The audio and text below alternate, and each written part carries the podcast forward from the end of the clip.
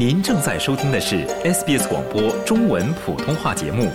更多节目内容，请浏览 sbs 点 com 点 au 闲斜杠 mandarin，或下载应用程序 SBS Radio App。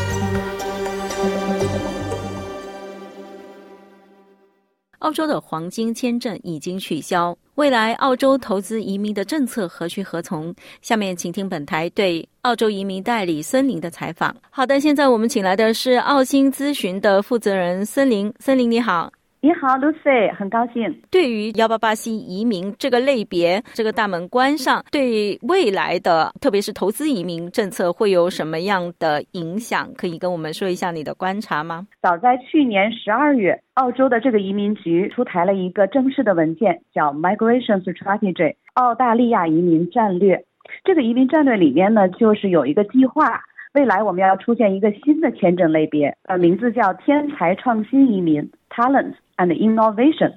它是要合并现在的澳洲全球人才计划 JTI 的项目和投资移民 BIP 所有的类别。这个新的签证会取代现有的这个投资移民，也包括现有的澳洲人才引进计划项目。我确认一下，这个 B I I P 里面的所有的投资移民的类别，也就包括这个幺八八 C 是吧？BIP 包括 A、B、C 三个类别，主要是有什么样的潜在的申请人可能会更有优势呢？呃，未来的话，澳洲政府更想吸引就是一些优秀的企业家。重大的投资者以及全球非常优质的高科技的科研人员，呃，而且未来有一个非常重大的现状，就是呃，这个整体上从 GTI 的这个数量，还有从 BIP 商业投资移民，它俩合并了这个最新的天才创新移民的类别之后，配额会进行减少，申请要求会进行提高。未来的这个时间内呢，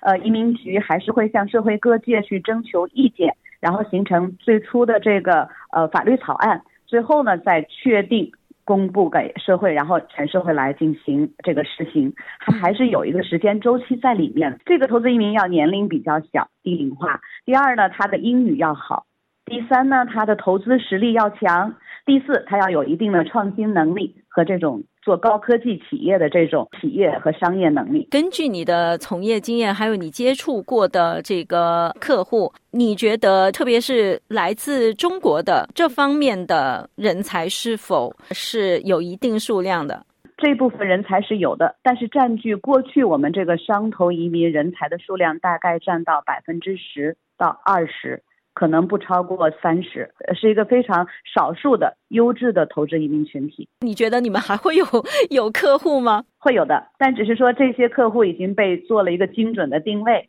就刚才我说的那个简单的画像，他们会定位几个人群。其实我们也简单的根据过去的这个商业投资移民的这个案例经验，我们能想到这些人。过去大概十年的时间，嗯，幺八八 C 像我们刚才说的五百万投资里移民里边来了七千人，都是中国人。然后未来的话呢，可能就是我们因为它定位到这个优质的企业家。然后年龄小的、英语好的、投资实力又要强，还有科技创新能力的，可能会是两类非常大的人群。就我们根据目前的这个呃商业投资移民的经验，第一类呢会是刚才我们说的企业的高管，就是一些优质的有创新企业能力的企业家们，这些人就是英语好、年龄小。然后呢，呃，商业经营能力、创新能力还很强。你指的是说，他们在中国可能在一些比较大的，有可能是外资企业或者说本地的企业有高管的经验，而不一定自己本身是个企业家。他有两类，一类是可能自己就是一个创新企业的企业家，自己创业，从大学毕业之后；第二类呢，有可能他是一个就是做到了企业高管的位置，像你说的，特别是像外企、大型的国际企业，这些人的特点就是他有商业运营能力，英语也好，然后年龄有优势，然后专业技术领域和商业管理经验都非常的丰富。过去的话，其实我们的这个全球人才计划 GTI 项目。已经从学术大牛的这个类别转向了这一类的优质的企业高管。那未来的话，这一类的企业高管有可能就是将来的这个商业投资移民下一阶段的这个潜在的优质客户。第二类也非常有趣啊，这个跟我们中国的国情也是呃联系的。第二类这一类呢，会是我们这些优质企业家的二代们，就是我们中国的这些优秀的企业家，往往把自己的二代孩子们送到海外来读书。美国、英国、加拿大或者澳洲。所以你指的是有可能是原来是幺八八 C 的合格的申请者，但是他们可能有企业有财富，但是英语能力不够好，但是他们的二代有可能是接过这一棒。对的，家族企业的传承给到了他们的那个接班人，他们的二代。因为他们的二代有一个非常大的特点，这些人都是在海外留学，有过很好的海外的这个学习经历，所以这些人的英语成绩是非常好的，就他们的英语是没有问题。第二的话，这些人的年龄上有优势。第三类呢，这类人他确实是有。不论是他的家族背景，还是他自己本人，他是有很强的这个投资能力。第四的话呢，因为他们接受的教育是这些年一个新兴的教育，那他们对这个创新的领域、高科技的领域，他们也都会有所涉猎。所以让他们来做这个创新类的这个投资移民，对他们来说是非常轻松的。呃，其实这个里边有一个非常好的例子，在过去三到五年内呢，南澳洲已经推出了一个幺八八亿创新移民。啊，这个是全澳洲都有，但是南澳洲这边可能我接触的案例比较多。实际上，我们在这个幺八八亿类别创新的这个投资移民里边，我们接触了有百分之五十以上，全是就刚才说的优质企业家他们的二代二代接班人，就是他们来做这个呃创新创业移民的申请人。一个新的签证类别，如果在未来出现的话，正在申请或者打算申请的人的所做的功夫，其实也没有白费。呃，移民政策它可能是一个改革，但是它可能不是说全部的要点或者要求都改掉，而是说有一些有一些变化。调整。嗯，对，有些调整，有一些变化，而且他们还想做一个打分制，移民局提出来的，就是商业投资移民也要全部的采用这个呃打分，因为过去的话只有 A 和 B 的类别要打分，C 的话和幺八八 E 是不要打分的。但现在的话呢，他就是说，未来相同移民他要一个打分制。这个打分制的好处就是刚才咱们说的自画像那里边的几个项目，他就可以放进去，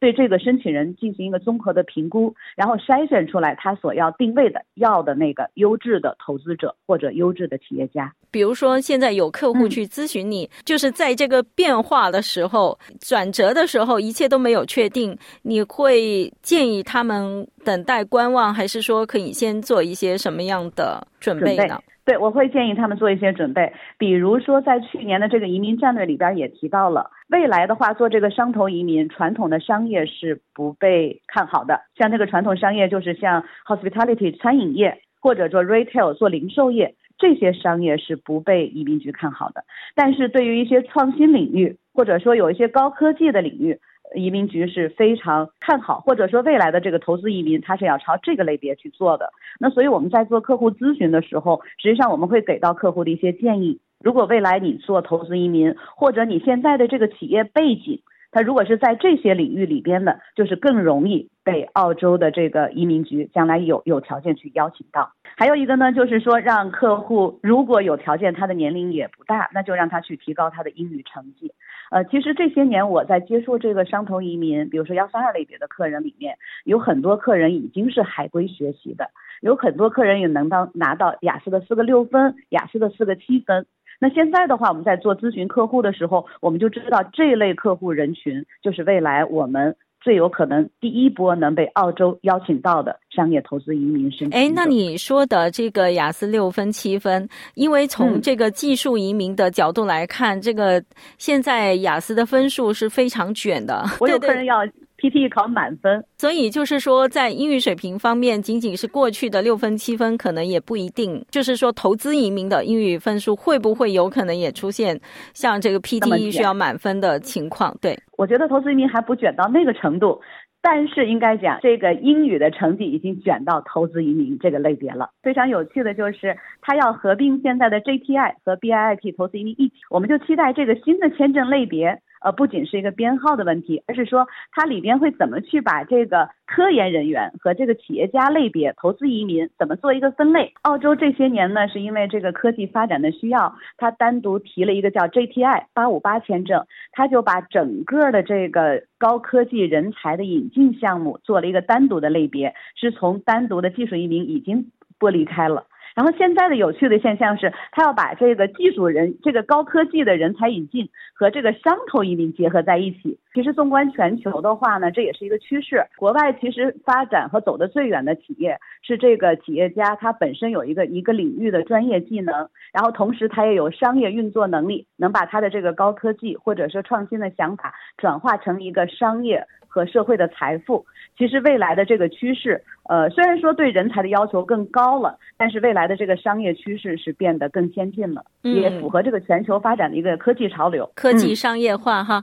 嗯，那今天也非常感谢澳新咨询的负责人孙林给我们做的介绍，谢谢你，谢谢 Lucy。了解澳洲，融入澳洲，欢迎登录 sbs 点 com 点 au 前斜杠 language 前斜杠 mandarin。获取更多澳大利亚新闻和资讯。